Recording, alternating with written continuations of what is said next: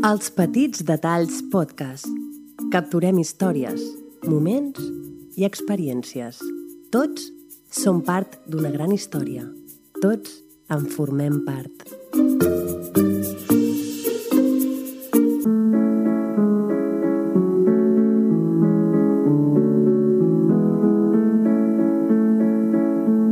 L'art dels petits detalls amb Bernat de Siurana, una producció dels Petits Detalls Podcast. Aprendrem a construir les millors històries. L'storytelling és l'art d'explicar històries i l'art dels petits detalls és l'art de l'storytelling. Tots els dijous, excepte festius, a les 7 del vespre.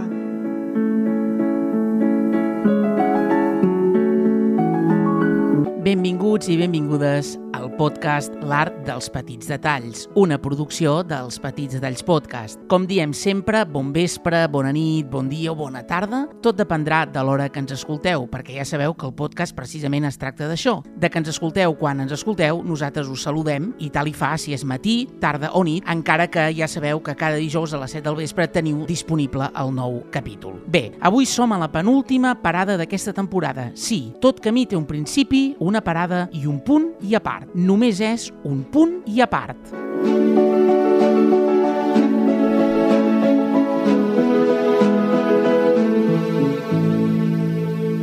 El mestre Josep Plat deia que, obro cometes, petits detalls, grans conseqüències, tanco cometes, i és absolutament veritat. Els petits detalls mouen moltes coses. Quantes vegades per petits detalls hem deixat una relació o per contra l'hem iniciada? Per petits detalls hem decidit acceptar projectes, realitzar viatges que no pensàvem que poguessin succeir i un munt de detalls que ens han fet com som.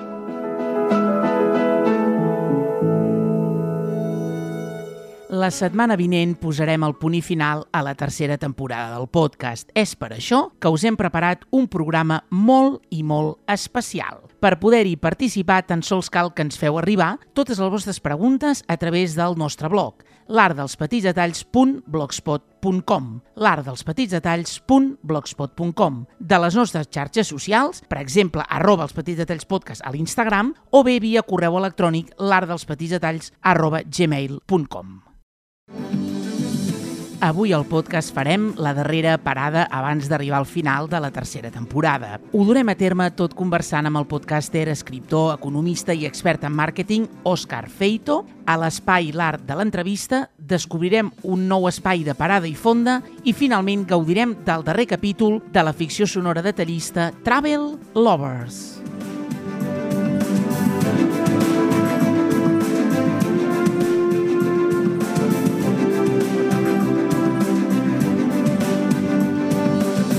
La setmana vinent posarem el punt i final a la tercera temporada del podcast. És per això que us hem preparat un programa molt i molt especial.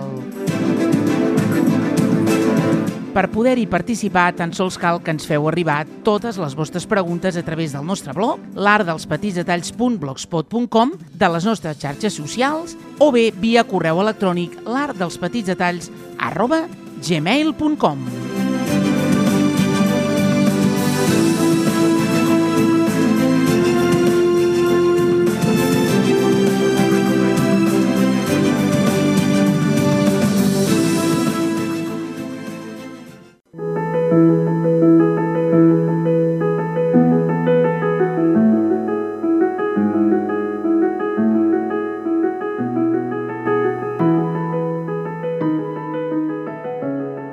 Parada i fonda a l'art dels petits detalls amb Bernat de Siurana.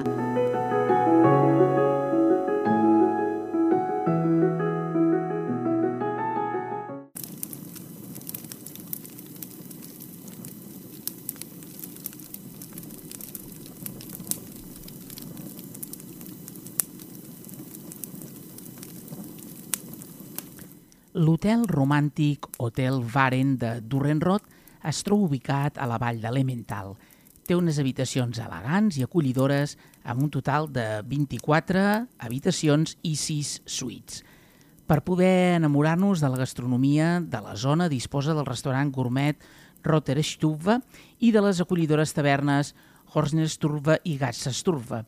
El Gaskov Beren comprèn tres edificis històrics de la regió de l'Emmental, que són de l'època barroca. Juntament amb l'església de finals del gòtic i la plaça del poble són tres monuments històrics d'importància nacional. A Suïssa la tradició coneix la modernitat. Avui en dia l'hospitalitat de l'establiment et farà sentir com a casa, com es pot apreciar en aquest àudio.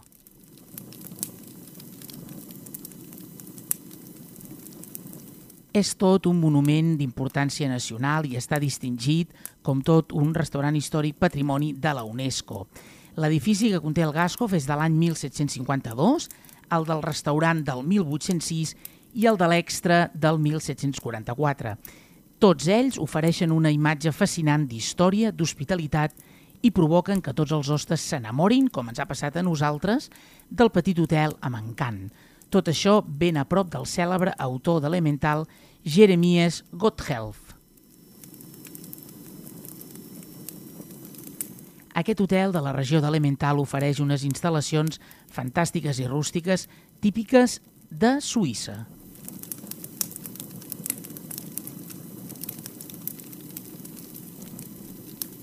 Ho dèiem fa un moment, té 24 habitacions i 6 suites que són elegantment moblades i hi ha diverses habitacions i sales històriques disponibles per a grups de fins a 120 convidats. L'establiment disposa d'un restaurant gourmet, el Ruter Stubbe, i té un cosí anomenat Gastubbe. És una masia que data del 1744. El Gaskov, és a dir, l'hostal, no només és un oasi de benestar, també és un punt de partida extraordinari i ideal per passejar enmig de cases de fusta cobertes de geranis, tractors de muntanya i uns prats verds envoltats de tota mena d'arbres fruiters.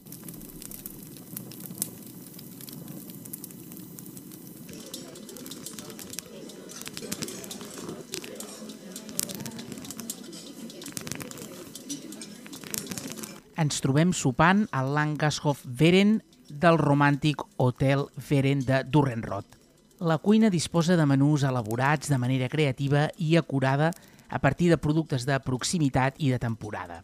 El xef Thorsten Volz està tan unit a la tradició com a la regió que sap que sovint la qualitat dels productes suïssos es troba ben a prop de l'hotel. Li encanta la varietat, que és capaç de convertir la cuina en tot un savoir-faire de l'altra gastronomia. Regionalitat, temporalitat i una mica de creativitat i modernitat conformen una experiència culinària de primer nivell i converteixen l'estada al Veren en tota una experiència viatgera excel·lentment liderada pels valors d'hospitalitat, de plaer i d'història.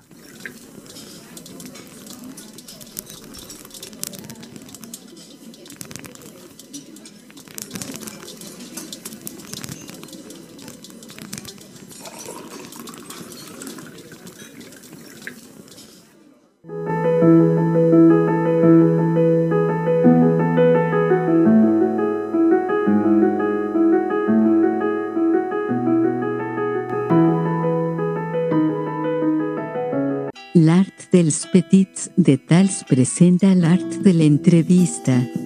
L'espai d'entrevistes del nostre podcast on conversarem amb diferents profesionals de diversos àmbits. Hoy, aquí en nuestro podcast, es un lujo tener a Oscar Feito, que nuestro invitado actualmente ayuda a empresas y emprendedores en el diseño de sus estrategias digitales a través de contenidos o gratuitos, cursos de pago, mentorías, formación personalizada y también consultoría de marketing digital. Oscar Feito, bienvenido, ¿qué tal? ¿Cómo estás? ¿Qué tal, Bernat? Pues encantado de estar contigo y muchísimas gracias por la invitación que sé que llevamos tiempo para arriba, para abajo, que sí, que no, es mea culpa, tengo que entonarlo y no, públicamente no. pedirte disculpas por no haber podido eh, atenderte antes, pero bueno, ya estamos aquí y con muchas ganas de, de hablar contigo. Uh -huh. uh, a ver, Oscar, para situarnos un poco, ¿cómo es un día a día en tu trabajo?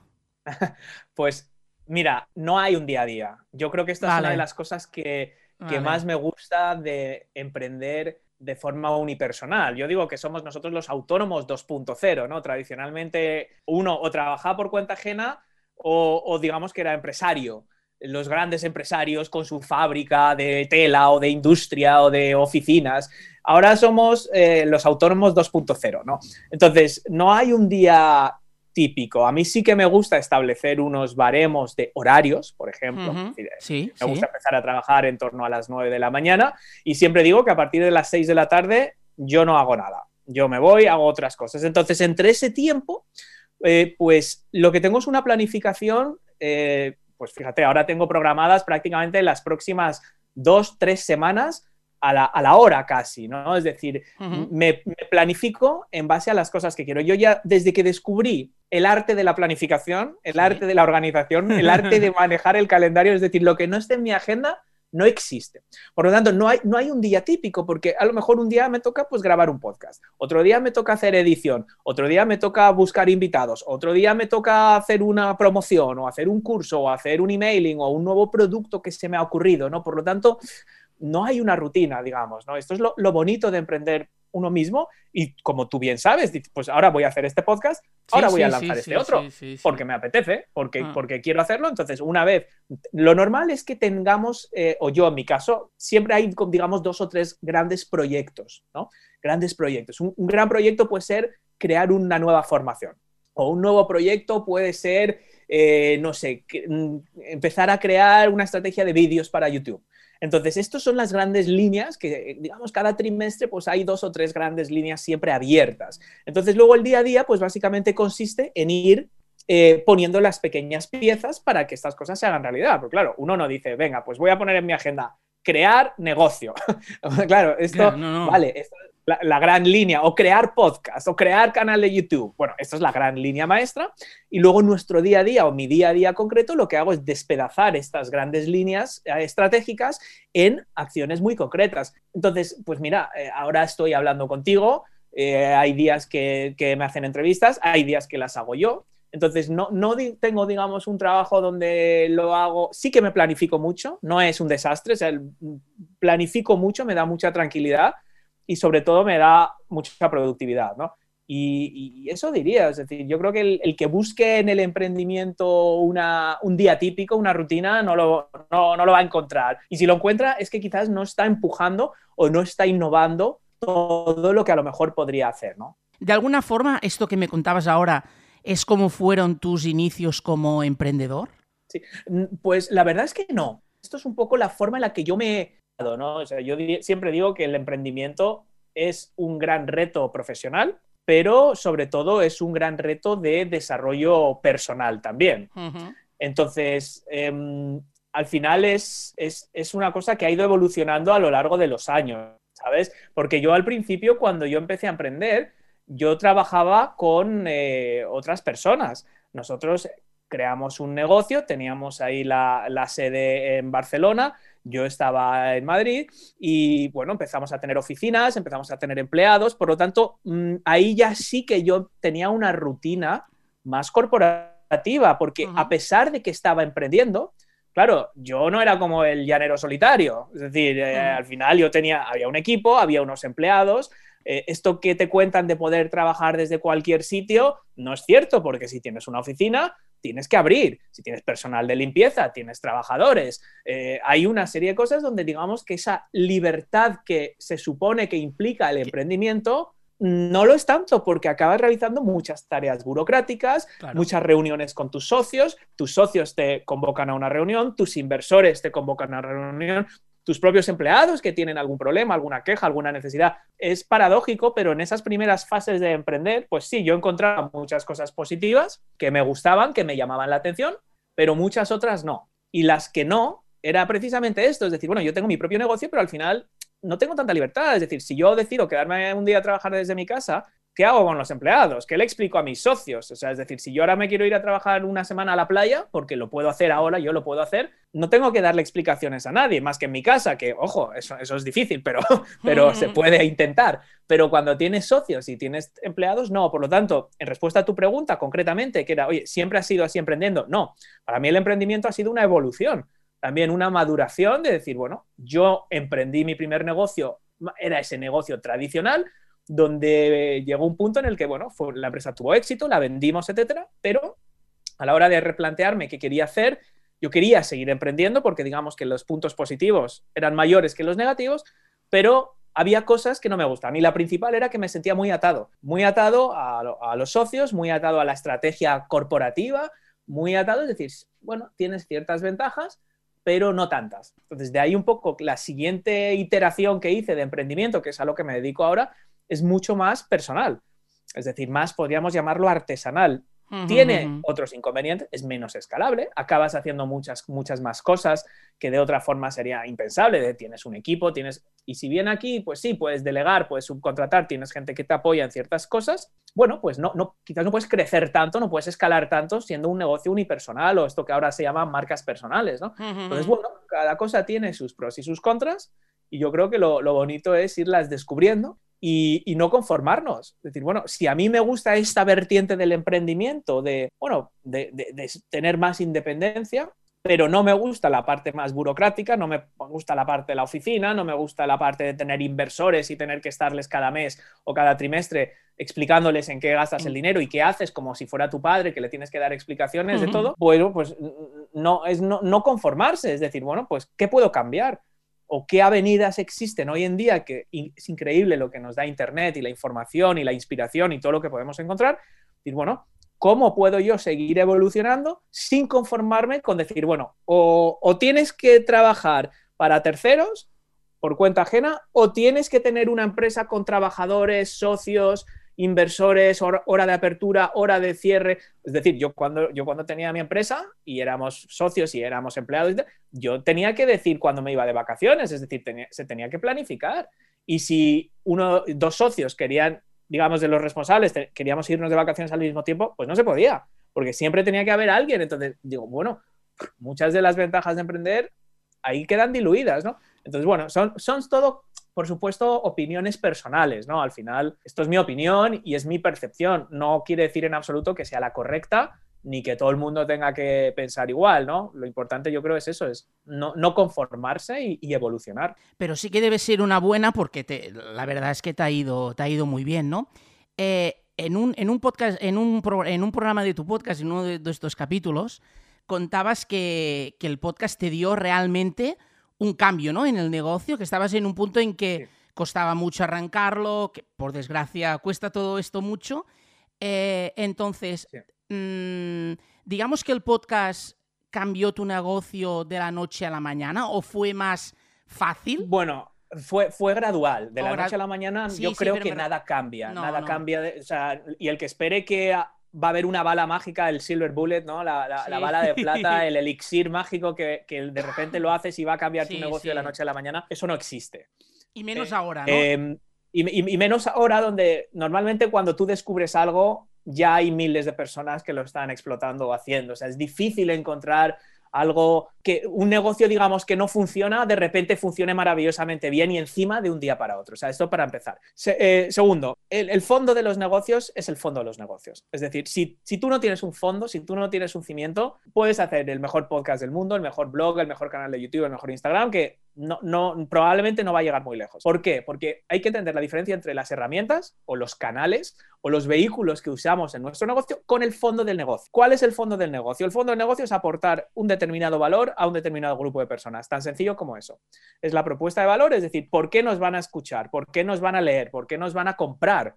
Todo ese conjunto de por qué alguien va a interrumpir su, su vida para prestarte atención y darte su dinero. Ya está. Esto lo tienes que tener muy claro. ¿Qué les vas a ofrecer? ¿Qué problemas tienen? ¿Qué necesidades tienen? ¿Qué significaría para estas personas resolver esos problemas?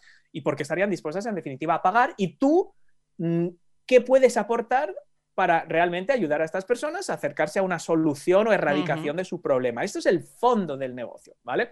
Entonces, ¿qué pasa? Uno puede tener, si, si, no tienes ese fondo, ya, por supuesto, da igual lo que hagas blogs, podcasts, innovación, herramientas, automatización, da igual. Hmm. Em, pero aún teniendo ese fondo, claro, eh, Internet está tan saturado y el mundo en general está tan saturado que puedes tener un gran fondo, puedes tener una gran propuesta de valor, puedes tener un público objetivo perfectamente definido, pero si no utilizas las herramientas y no utilizas los canales adecuados, te va a resultar muy difícil que la gente te descubra, que la gente sepa que existes. Y si no sabe que existes, todo lo demás se complica. En mi caso, en mi caso concreto, el podcasting eh, sí que me ayuda a romper eso. Es decir, yo estaba convencido de que tenía una propuesta de valor. ¿Por qué? Bueno, porque tenía experiencia real. Es decir, yo había construido un negocio, lo habíamos escalado, lo habíamos vendido por varios millones de euros y era un negocio de marketing online con un fuerte componente de marketing digital y yo llevaba muchos años emprendiendo.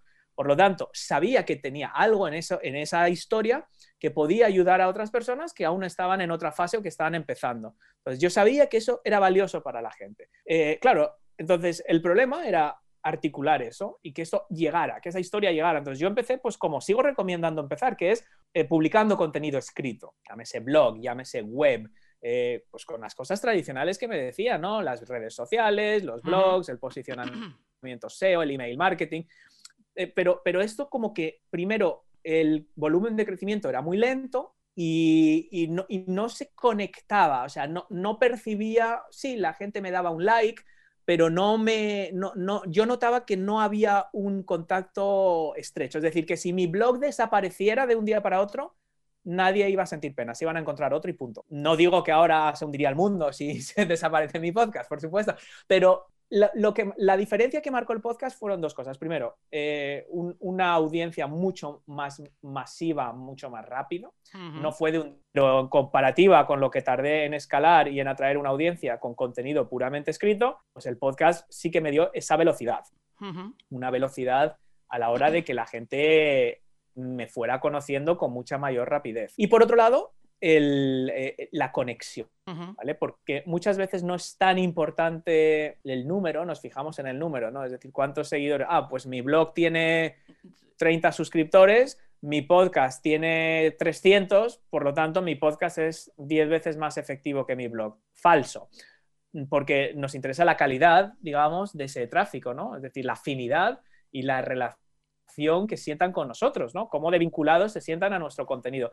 Y, yo creo que ahí el podcast sí que fue absolutamente diferencial y también en poco tiempo, no de la noche a la mañana, pero, sí comparativamente más rápido que ningún otro formato que he visto, porque al final la gente, yo lo resumo en una frase que probablemente es la que más me cuenta la gente, ¿no? Es, es como si te conociera. Y esto nunca me lo habían dicho después de leer mis artículos, nunca me lo habían dicho en las redes sociales, nunca me lo habían dicho, y yo te recuerdo que llevaba, mm, no sé, 15 años ya, ahora llevo 20 años en el sector, pero cuando creé, yo tenía experiencia en otros canales y en ninguno había visto esa conexión emocional que, es el fruto de que una persona literalmente te, tiene entre oreja y oreja y a mí no pasa una semana que no me diga alguien, pues eh, me he ido a Galicia y nos hemos pasado siete horas en el coche escuchándote. Entonces, claro, la conexión que genera esto con tu marca, con tu producto, con tu servicio, con tu marca personal, llámalo lo que sea, es mucho más estrecha. Por lo tanto, ya independientemente de decir, bueno, Oscar, ya es que hoy en día el podcasting ya está muy saturado, ya hay, hay mucha más competencia, da igual, no, no, se trata de que seas el número uno en iTunes, eso no importa ya, lo que importa, aunque tengas 100 personas que te escuchan religiosamente, es mucho más valioso que 10.000 seguidores en Instagram, por ejemplo, muchísimo más en mi opinión. Sí, sí, sí, sí, sin ninguna duda. Y, lo decías muy bien, ¿no? Y, y, más en... No sé si es una reflexión que has hecho y, más hoy en día, ¿no? Que vemos como, de alguna forma, ¿no? Ah, por ejemplo, hay mucha gente que dice que es experta en marketing, ¿no, Oscar? O, o que entiende de, de, un tema en concreto, ¿no? Y, eso, de alguna forma, es la parte mala de las redes sociales, ¿no? Que sin, que, si que sin poder contrastar nada, es un poco como la, información de masas, ¿no? Es como que sin contrastar nada, todo el mundo dice que es eh, experto en algo y esto ya de alguna forma lo, digamos que, es como que le sitúa. Pero claro, ah, yo he escuchado muchas, ah, muchos ah, podcasts de, marketing para tener ideas para mi negocio y te puedo asegurar que... aburres. No, no, no. Primero que, me, que, muchos me, me, aburren supinamente, esto en primer lugar. Pero en segundo, no, no, o sea, en segundo lugar, la calidad que ofrece tu podcast eh, no lo ofrecen los de otros. No, no diré nombres ahora, pero no, es, lo mismo. ¿eh? bueno, yo creo que son dos, cosas, son dos cosas diferentes. Primero, lo que yo te lo agradezco, eh, el esfuerzo que hay detrás de mi podcast. Hay muchos podcasts de entrevistas de marketing, pero el esfuerzo que hay a la hora de buscar invitados distintos que aporten algo diferente, porque es muy fácil decir, venga, me hago una lista de los top 10 de marketing que más gente tengan en Instagram y entrevisto. Eso ya se ha hecho antes. Eso es muy difícil que aportes algo diferente. Entonces, yo creo que ahí hay una combinación a la hora de generar contenidos. Sí, sí. Que, es, ya no solo es lo que sepas, porque yo no había hecho una entrevista en mi vida cuando empecé mi podcast. No sabía, sabía de marketing, pero no sabía de entrevistas, ni de audio, ni de nada. Entonces, em, el, el, trabajo que uno le pone, es decir, ah, yo voy a hacer un podcast de marketing. Puedes tener mucha idea de marketing, ¿eh? luego vamos a ese problema. Puedes tener mucha idea de marketing, entonces dices, ah, voy a hacer un podcast de marketing. Estoy viendo mucha gente que lo está haciendo. Ahora salen como setas. Entonces, ¿qué hago? Bueno, pues me voy a hacer una lista de 10 preguntas. Tú, el último libro que has leído, tu mayor error, eh, eh, ¿cuál fue tu tal? Y entonces voy a cogerme en Instagram. ¿Quiénes son los más influencers del mundo del influencing? Esta, ta, ta, esto, los de siempre. perfecto, pues voy a preguntar a estos y les voy a preguntar lo mismo que les han preguntado 20 veces, porque soy un vago. Entonces, es decir, eh, no me estoy preocupando. De, puedo saber mucho de marketing, repito, ¿eh? o sea, este, eh, sé mucho de marketing, pero voy a hacer un podcast. ¿Por qué? Porque quiero que este vehículo sea mágico. Entonces, tengo que lanzar un podcast. Entonces, no me importa mi audiencia, no me importa mi oyente, no me importa aportarle valor, porque voy a hacer las mismas 10 preguntas estúpidas a la gente que ya has oído en 27.000 podcasts respondiendo las mismas preguntas estúpidas. Sí, sí. ¿Qué aporta esto? O sea, tú como oyente querrías escuchar a esta persona contándote que de pequeño se tropezó y descubrió que su, tenía que hacer mindfulness. ¿A mí qué me importa eso para mi vida del día a día? No me importa. Entonces, eh, lo primero es los buenos contenidos ya no solo en un podcast, en YouTube, en redes sociales, en un directo, en un webinar. Lo que lo tiene que conducir es un genuino deseo de aportar valor a la persona que está al otro lado. Y tenemos que ser sinceros con nosotros mismos y decir, esto le aporta valor a alguien. A mí ha habido casos que vienen anunciantes con dinero, decir, vamos a hacer un episodio patrocinado y yo lo he hecho, ¿eh? Pero lo he hecho solo si yo pienso que esto lo podemos hacer en algo que aporte valor realmente. Y te voy a poner un ejemplo real. Eh, Colchones EMA. Colchones EMA es una empresa, yo vi que se anunciaban en la televisión, que en Estados Unidos muchas empresas de colchones se anunciaban en podcast, porque bueno, pues es un concepto innovador, que te lo envían a casa, que bueno, una, una tecnología, era, son como una startup de Silicon Valley, una empresa alemana. Estuve un mes buscando a la persona para hacer publicidad y lo logré. Di con la persona, hicimos un podcast. ¿Por qué? Porque yo de antes tenía previsto hacer un episodio sobre hábitos de descanso y la importancia del sueño y el descanso reparador para emprendedores. Y luego fue simplemente decir, anda, si esto que lo iba a hacer de todas formas, lo hago con un responsable de EMA y encima me paga, todos ganan. Claro. No al revés. No, ah, este me da dinero, me da igual, voy a hacer una chorrada de episodio que no va a aportar a nadie. Entonces, a veces tiramos por el camino fácil. Sí. Que, tiramos por el camino. Que, que, esto, no, no, perdona, que esto que dices es lo que mm. prácticamente hace el 90% de la gente que hace podcast, ¿no? Es decir, quiero hablar de este tema. Tengo, alguien que me aporta, da igual, mm, ni que fueran 20 euros, pero como te aporta algo, dice, venga, va, tiramos por aquí, en lugar de, porque yo escuché este capítulo y, fue mágico, porque realmente porque se aporta. Pues claro, ahí es donde está la diferencia, ¿no? De y, la calidad de la no calidad. Y aunque no haya dinero, porque, claro, en el momento en el que entra el dinero lo complica todo, pero aún asumiendo que no hay dinero, yo simplemente soy alguien que sé mucho de marketing y estoy viendo que todo el mundo está lanzando podcast, así que yo voy a lanzar podcast. ¿Por qué? Pues porque sí, porque todo el mundo lo está haciendo y como yo sé de marketing, pues voy a entrevistar a la gente de marketing y les voy a hacer las mismas preguntas. Entonces, eh, eh, esto es el tema, que por mucho que tú sepas y asumiendo incluso que sabes, siempre tiene que haber un trabajo por detrás. Es decir, el trabajo que yo invierto, las horas que yo invierto en buscar invitados, y preparar guiones y realmente que aporten a la audiencia. Oye, que no siempre lo consigo, ¿eh? Hay episodios mejores, hay episodios peores y no pasa nada y es parte y es el reto, ¿no? Pero la idea es esa. Mi idea no es eh, explotar el podcasting como oportunidad. Mi idea es utilizar este medio para entregar un valor a mi audiencia que no podría entregar de otra forma. Quiero que sea una experiencia cercana, que sea una experiencia que no saben por dónde va a salir, pero que cada episodio terminen y digan, wow, me he quedado con estas o tres ideas. Y, ese es el objetivo. Totalmente. Que era tu pregunta real, que era decir, oye, ¿y si encima no sabes de esto? Entonces, hoy en día, efectivamente, sobre todo en sectores como el nuestro, hay mucho intrusismo. Es decir, oye, cualquiera te dice, yo te voy a enseñar cómo ganar dinero desde casa. Yo te Y lo más gracioso es que luego están viviendo desde casa sus padres, muchos. O sea, que esto es lo que más gracia me hace todo. O que tienen un trabajo a tiempo completo. Di, vale, tú deja tu trabajo en la universidad y ahora me enseñas a cómo emprendes. Claro, es muy fácil esto, ¿no? No, no yo soy profesor de emprendimiento. ¿Y, de qué vives? No, de dar clases de emprendimiento en la universidad. Coño, si tanto supieras, a lo mejor no tendrías que dar las clases en la universidad. Bueno, entonces, ¿cómo podemos romper esto? Bueno, pues, tú, tú puedes decir misa, tú puedes poner lo que tú quieras, pero al final las cosas se demuestran con los hechos. Entonces, el buen copy, eh, la sinceridad, la transparencia a la hora de compartir mensajes en redes sociales, en una web, como tú has dicho, en las redes sociales, la forma en la que tú generas esos contenidos, lo único que va a hacer en el mejor de los casos, que es importante, es que esa persona que está al otro lado te conceda el beneficio de la duda. Vale, me ha convencido lo que me has dicho, pero no me ha convencido como para comprarte nada.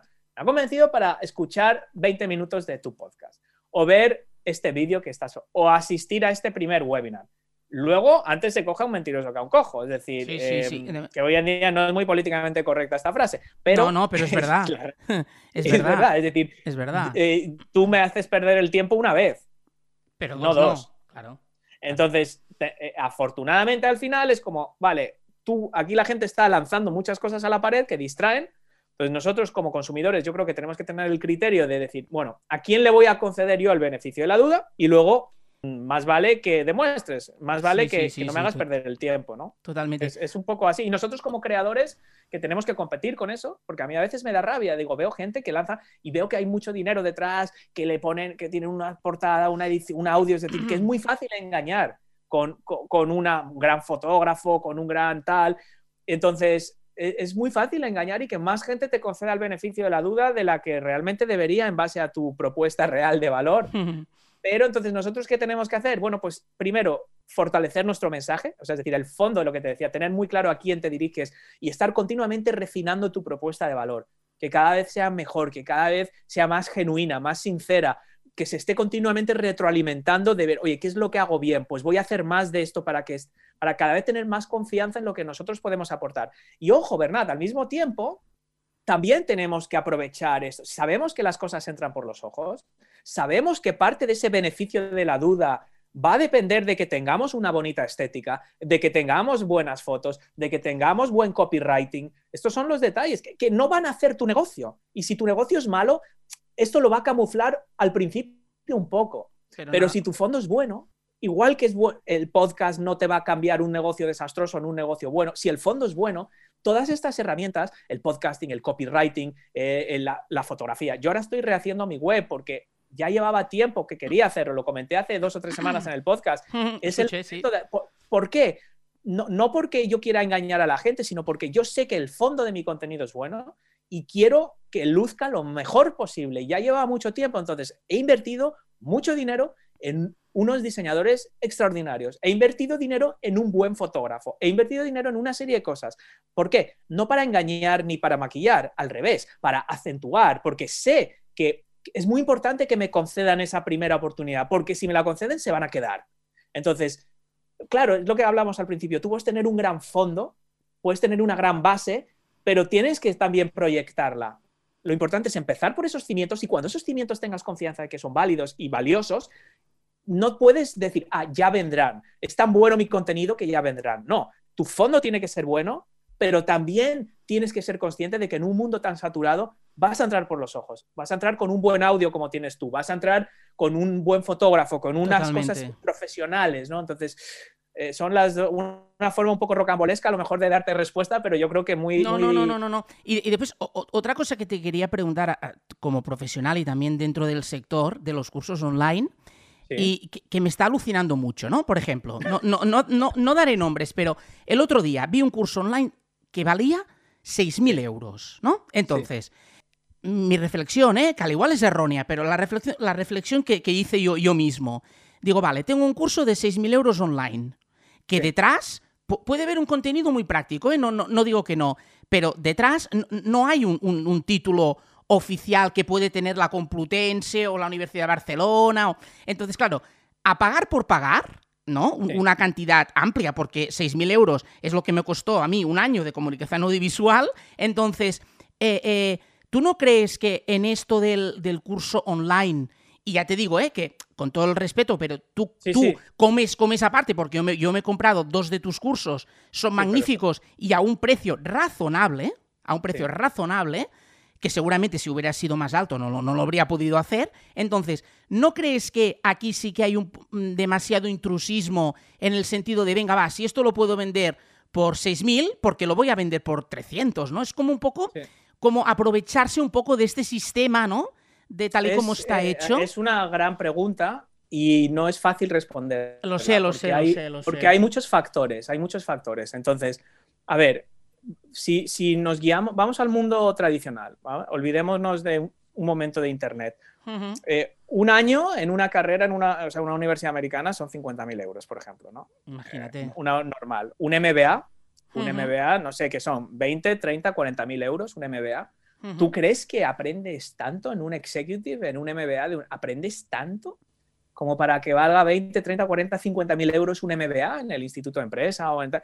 O, o es que sabemos y está comprobado que el hecho de tener eso en tu currículum independientemente de lo que hayas aprendido, el hecho de decir, oye, yo soy MBA por Harvard o soy MBA del IE, automáticamente me va a dar un trabajo y voy a ganar 10.000 euros más al año. Por lo tanto, a lo largo de cinco años lo voy a amortizar porque lo pone en mi diploma, no porque yo sea más válido. Entonces, estamos acostumbrados a que eso es normal. O sea, nadie se cuestiona. O sea, oye, tú vas a hacer un MBA a Harvard, 100.000 euros. No sé lo que cuesta, ¿eh? pero debe ser cercano a estas cantidades. Sí, sí, sí, eh, seguro.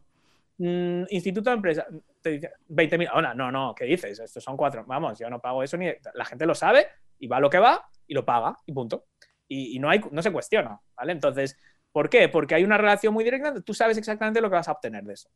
Entonces, el problema de la formación online, o el problema o la, o la ventaja, es que no te aporta mm, un título.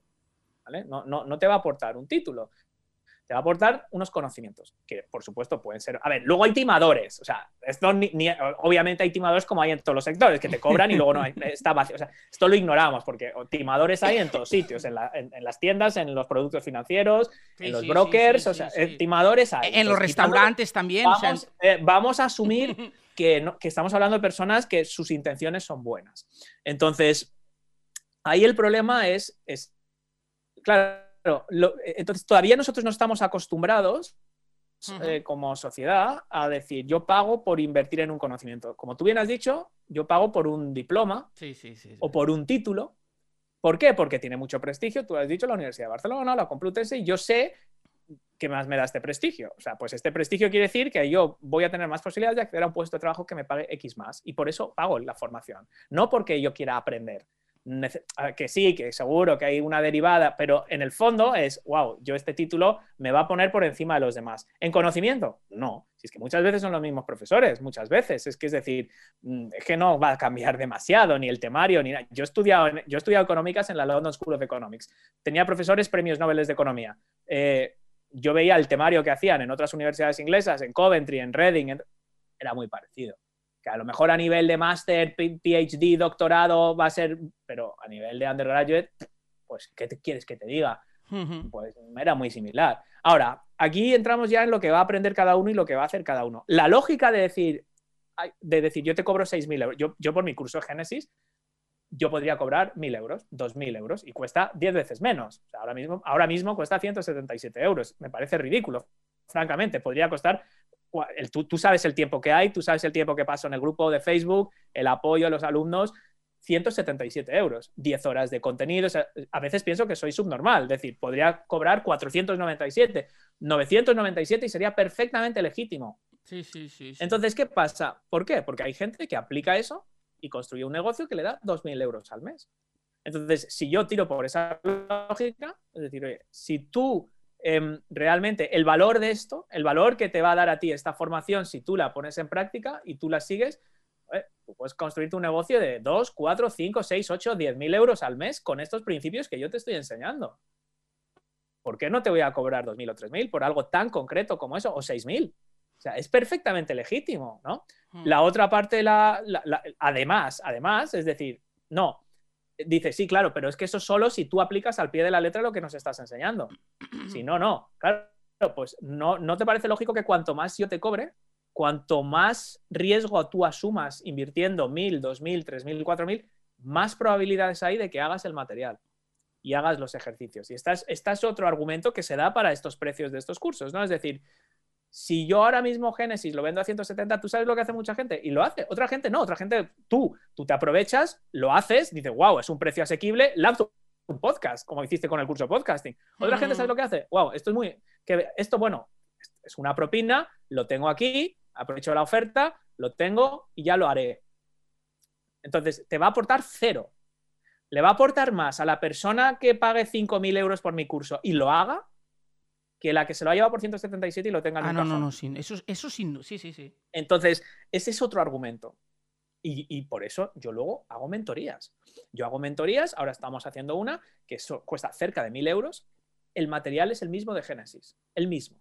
el mismo, solo que la diferencia es que en lugar de hacerlo tú por tu cuenta, tenemos seis reuniones, una cada semana, y yo te lo explico todo y yo te ayudo y yo te corrijo los ejercicios y nos vemos cara a cara. Ya no cuesta 177, ya cuesta 1000. El contenido, Bernat, es el mismo. ¿Tú sabes quién está haciendo este curso? Gente que ya ha comprado Génesis. Claro. Es decir, gente que lo ha comprado y ha dicho, no consigo eh, encontrar tiempo ni priorizar mi vida para hacer el curso. Voy a pagarte mil euros para algo que ya he comprado para obligarme a hacerlo. No te digo seis mil, pero sí gente que está dispuesta a pagar seis, siete, ocho veces más por lo mismo. ¿Para qué? Para tener la garantía de decir, wow, ya lo tengo que hacer. Lo tengo que hacer. Obviamente hay un término medio. Y a mí, yo no soy, yo soy más partidario. Mm, para mí tiene más sentido económico y de negocio, incluso moral, de cobrar algo por su valor intrínseco que cobrar algo diez veces más para que obligarte a hacerlo. ¿Entiendes? O sea, yo eso no me parece bien. Hmm, me hmm. parece que es, que es una justificación extra, pero de fondo no me parece un buen argumento. Pero eh, eh, claro, ¿cuál es el valor real de, un curso de emprendimiento? Es decir, yo, yo con mi podcast, yo con mi podcast, solo el podcast genera miles de euros al mes en patrocinios, en afiliación, más el valor incalculable del networking, de poder entrevistar a gente como la que entrevisto cada semana, que vengan ellos a mí, que vengan editoriales, que me envíen los libros de gratis de regalo para que entreviste a sus autores. Eh, solo el valor de ese podcast para mí son miles de euros. ¿Sería una locura cobrar 5.000 euros por ese curso que a mí me está generando 1.000 euros todos los meses? Tal cual lo mismo que yo he hecho. Pues probablemente no. ¿Cuál es el problema? Que no, no todo el mundo lo va a implementar. Y de la gente que lo implemente, no todo el mundo le va a salir bien. Es como decir, yo estudio la carrera de dirección de empresas y pago 10.000 euros por la carrera en una universidad privada o 20.000 o lo que sea que cueste. Y luego me quejo porque no estoy dirigiendo una empresa en cuanto me gradúe. Nadie me contrata para dirigir una empresa. Entonces, ¿qué, ¿qué, tendría que hacer? ¿Cobrar la carrera a 300 euros por si acaso a ti nadie luego te contrata o lo haces mal? Entonces, es difícil. Es, difícil, o sea, no, tengo una respuesta, te estoy casi dando ideas, estoy pensando en voz alta, ¿sabes? Porque esto no está preparado. A mí me encantan las entrevistas así que me obligan a, estar despierto en el momento, yo no tengo las preguntas, ¿no? Y, por lo tanto son reflexiones, ¿no? De decir, a mí también me, me da cosa decir, wow, voy a pagar 5.000 euros, pero fíjate que la cosa que me da no es si será bueno o será malo la cosa también es que yo confío muchas veces en las personas, a veces demasiado, o sea, yo asumo como que todo el mundo es bueno, ¿no? Y, bueno, eso no siempre es así, pero yo parto, ya, mi, duda ya no es tanto de, wow, esta herramienta, este curso, 2.000, 3.000 euros, mi duda no es tanto si es bueno, mi duda es si yo voy a ser capaz de hacerlo, si yo voy a ser capaz de dedicar tiempo, porque esto nos pasa con las herramientas, ¿eh? Oye, voy a hacer un webinar, ¿qué necesito? Un software, ¿cuánto cuesta? Uf, 100 euros al mes, 200. Olvídate de cursos, piensa en herramientas de marketing, WordPress, hosting. Esto no afecta tanto. Bueno, hosting 80 euros al año, 100 euros al año, un dominio 9,99. Bueno, vale, no es un gran riesgo. Pero en el momento en el que te empiezas a meter en herramientas que cada mes te van a cascar 100 euros, cuando yo estuve un año pensando en, ¿hago un webinar o no hago un webinar? Y buena parte del, del riesgo no, era, ¿voy a rentabilizar una herramienta que me cuesta prácticamente 100 euros todos los meses para hacer webinars? Más vale que lo tenga muy seguro. Y al final lo hice. ¿Y sabes lo que hace? Me obliga, me obliga a hacer webinars prácticamente todos los meses. Al final me pagan ellos a mí, porque también es una herramienta que promociono vía afiliación, me pagan ellos más a mí al final que yo a ellos. Me ha gustado tanto la herramienta que gano más promocionándola de lo que me cuesta usarla. O sea, que me ha salido muy bien, pero fíjate que ahí la duda es, ya, tenemos que nosotros a, veces cargar con la responsabilidad de, no es que esto sea caro o barato, es yo voy a ser capaz de extraerle valor a esto. Por supuesto, si luego creo que es un desastre, lo, voy a descambiar. O sea, decir, no, mira, esto es un timo. Pero asumiendo que sea bueno la, información. Un curso de Facebook Ads. Facebook Ads es complicado. Es complicado. las segmentaciones, las configuraciones, las optimizaciones. Yo te puedo vender un curso de Facebook Ads por 100 euros. No lo vas a hacer. Uf, esto es muy complicado. Uf, ahora tengo que hacer esto, tengo que autenticar la cuenta, tengo que meter un presupuesto, ya lo haré, ya lo haré cuando tenga tiempo, en verano, esto lo dejo para el verano. Tú inviertes 5.000 euros en un curso de Facebook Ads y al día siguiente estás bloqueando toda tu agenda cuatro horas al día para sacarle el rendimiento a ese curso. Entonces, no, sé si hemos confundido más a la audiencia, pero por lo menos yo creo dar unas ideas de hay esperanza no, no renuncies a algo porque cuesta más de lo que tú crees que es justo, entre comillas, pero por supuesto, ten la mentalidad crítica de investigar a esta persona. Yo creo mucho, por ejemplo, los testimonios de un profesional en LinkedIn. Yo ahora mismo estoy dedicando tiempo a conseguir testimonios en LinkedIn. ¿Por qué? Porque yo en mi página web puedo poner misa, puedo poner fotos de cuatro personas que he sacado de internet. De Oscar es fantástico, sus consultorías son magníficas, me han cambiado la vida. Entonces, yo soy consciente de que yo no quiero engañar a la gente. Entonces, ¿qué es lo que yo hago cuando hago una consultoría o algo? Les pido que me dejen un testimonio en LinkedIn. Claro. LinkedIn. ¿Por qué? Porque eso no se puede falsificar, es su perfil. O sea, es el per ¿qué hago? ¿Me he creado 27 perfiles falsos? Obviamente. no. Esto, por ejemplo, es lo que ocurre yo, en el ámbito de comunicación, ¿no? con muchas noticias, ¿no? De un sector, de otro, de fútbol, de, de política, da igual, ¿no? Que, ves perfectamente quién ha escrito el comentario y a veces son los mismos redactores porque son anónimos o un nombre azul oscuro que dices, bueno, ¿y azul oscuro quién es, no? Sí, sí. Y, y claro, LinkedIn, para mí yo creo que es la mejor herramienta ahora de, denominadas redes sociales porque, porque ahí no se puede manipular ni mentir. Por eso, o sea, esto a lo, que, a lo que viene a colación esto, Bernat, es decir, oye, a la hora en la que alguien que nos esté escuchando, nos esté viendo, tenga que asumir la decisión de invertir en una formación independiente, cara barata, o sea, sin entrar en eso, y también muy ligado con lo que comentábamos antes de la saturación, del intrusismo, de todo el ruido que hay, informarse de a quién estás comprando.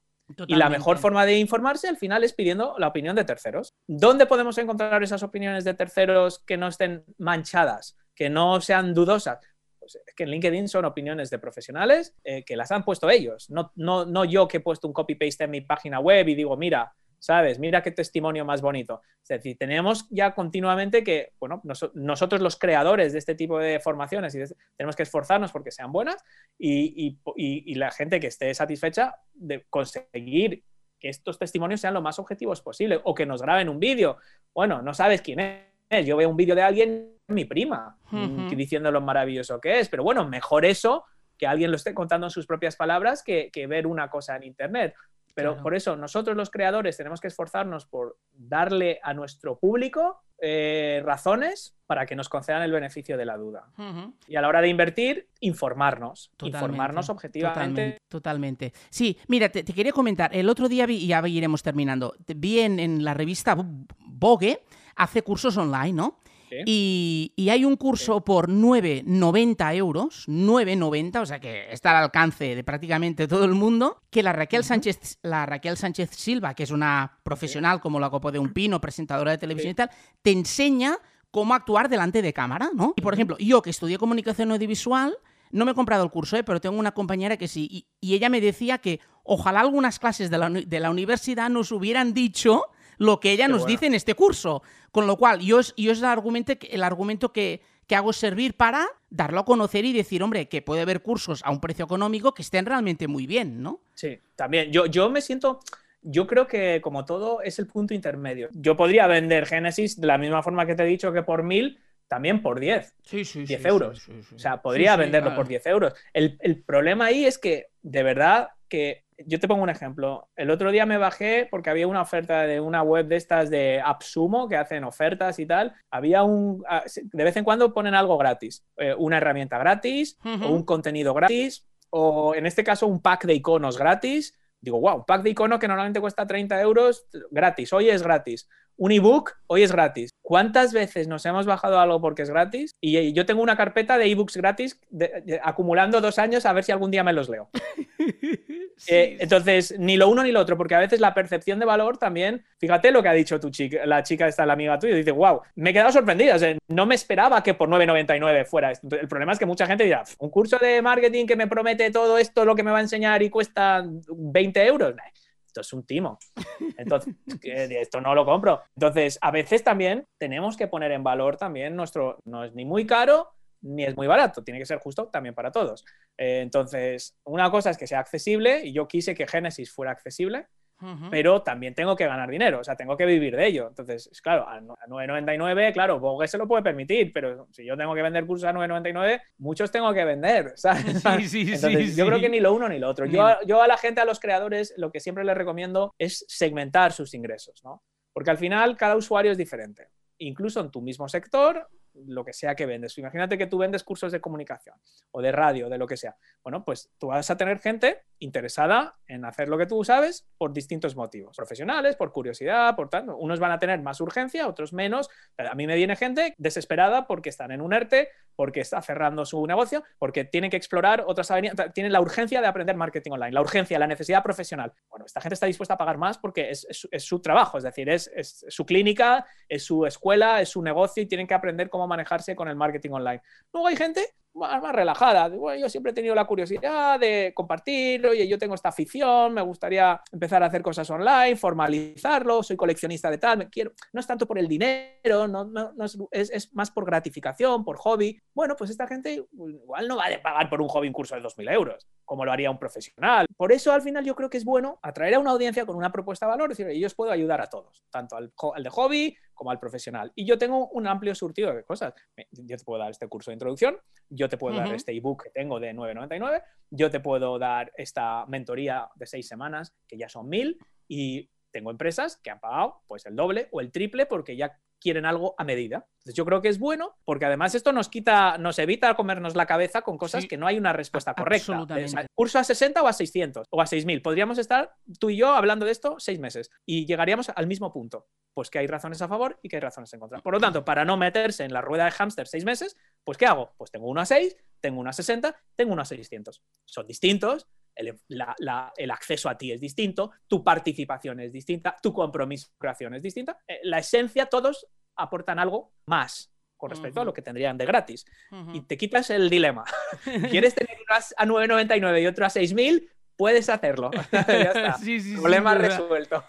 Oscar, ah, ya, para ir terminando, tengo tres preguntas de esto, de un libro y esto así que se hace como para finalizar y de esto. Pero antes te quería hacer una pregunta. ¿Una buena idea y una mala comunicación evidentemente no son sinónimos. Una buena idea y una mala comunicación. No, no, que va. O sea, es, justo lo que hablamos al principio. O sea, por buena idea yo me refiero un poco al fondo de un negocio, o sea, al fondo de tu negocio, de que tú puedas tener una propuesta de valor, eh, luego tú, la comunicación es otra cosa, los vehículos que tú utilizas para comunicar esa idea o para atraer a personas o para que te concedan el beneficio de la duda o para luego vender algo es totalmente distinto, totalmente distinto. Yo aquí eh, es donde aplico una, frase que seguro que conoces de Seth Godin, ¿no?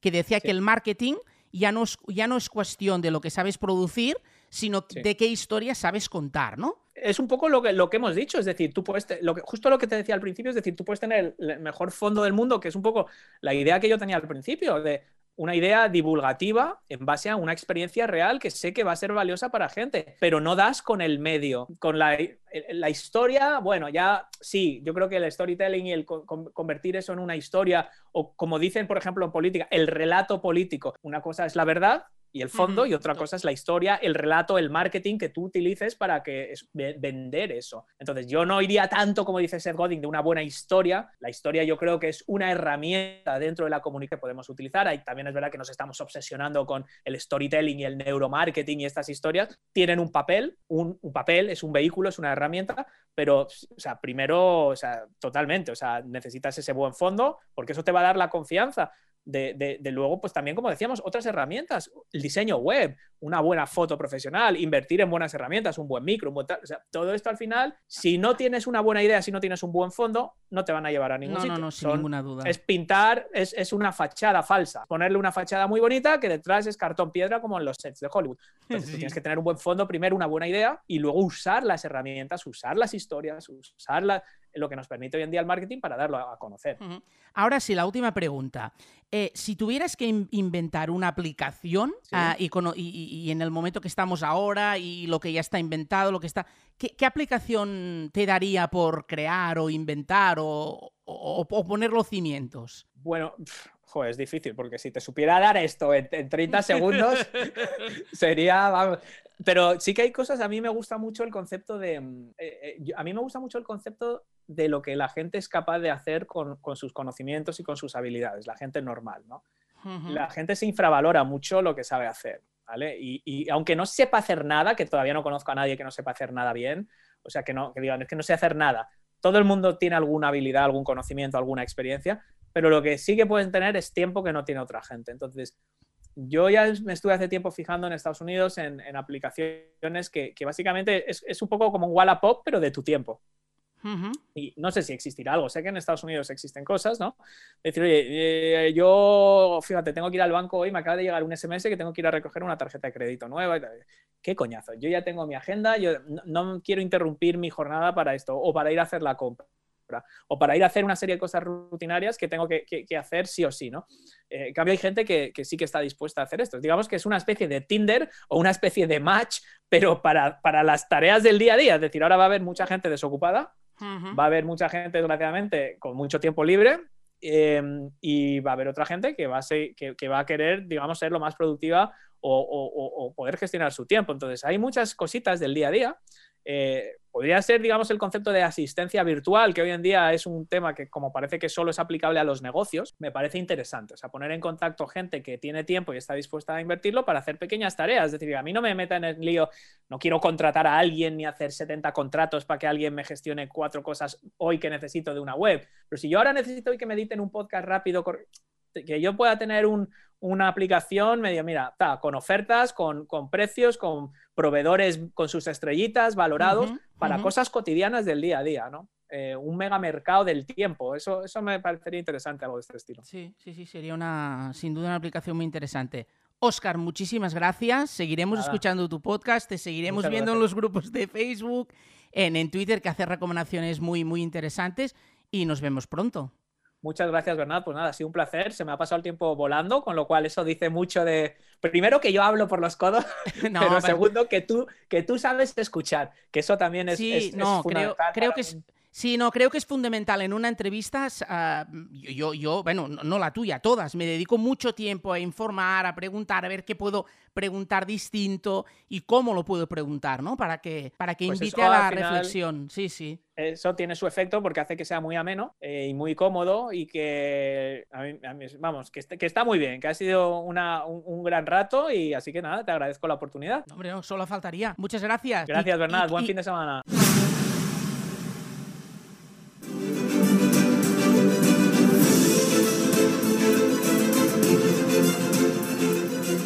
Apunta't a les nostres sessions podcasting workshop gratuïtes.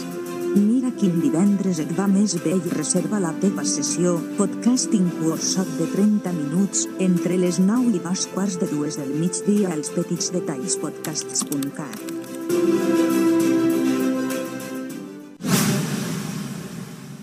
L'art dels petits detalls amb Bernat a Siurana.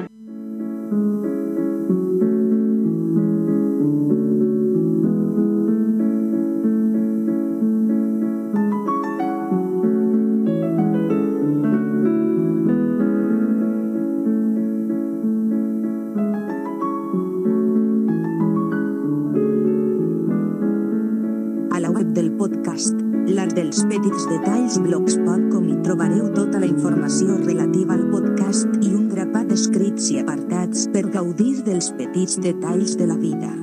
També ens hi podreu escoltar i tornar a escoltar sempre que us vingui de gust.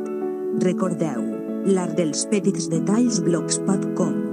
Si voleu estar al dia de totes les novetats de la nostra productora de podcasts, Els Petits Detalls Podcasts, visiteu els petits detalls podcasts cat. Ens encantaria que aquells i aquelles detallistes que no esteu al nostre grup privat de Facebook en forméssiu part.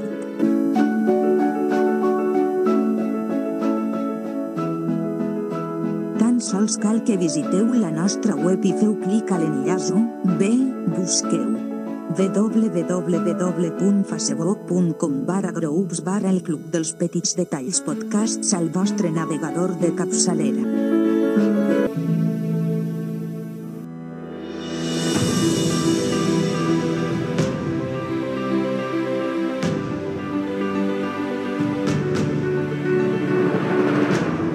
Trobareu petits detalls, petites coses, instants, records, els indrets que ens han fet com som, viatges, com compartim petits moments i experiències amb tu i l'empatia, sí, sí, l'empatia que ens recorda a tu i només a tu.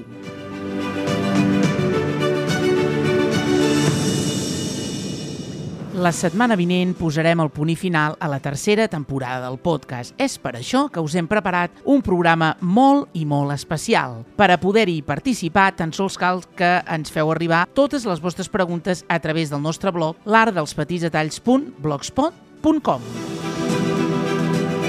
o bé a través de les nostres xarxes socials o bé via correu electrònic l'artdelspetitsdetalls arroba gmail.com.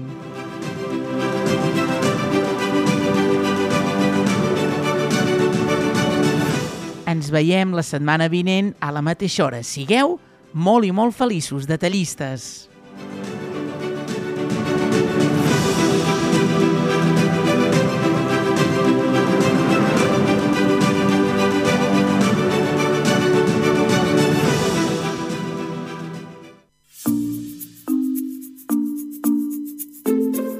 Els petits detalls podcast. Capturem històries, moments i experiències. Tots som part d'una gran història. Tots en formem part.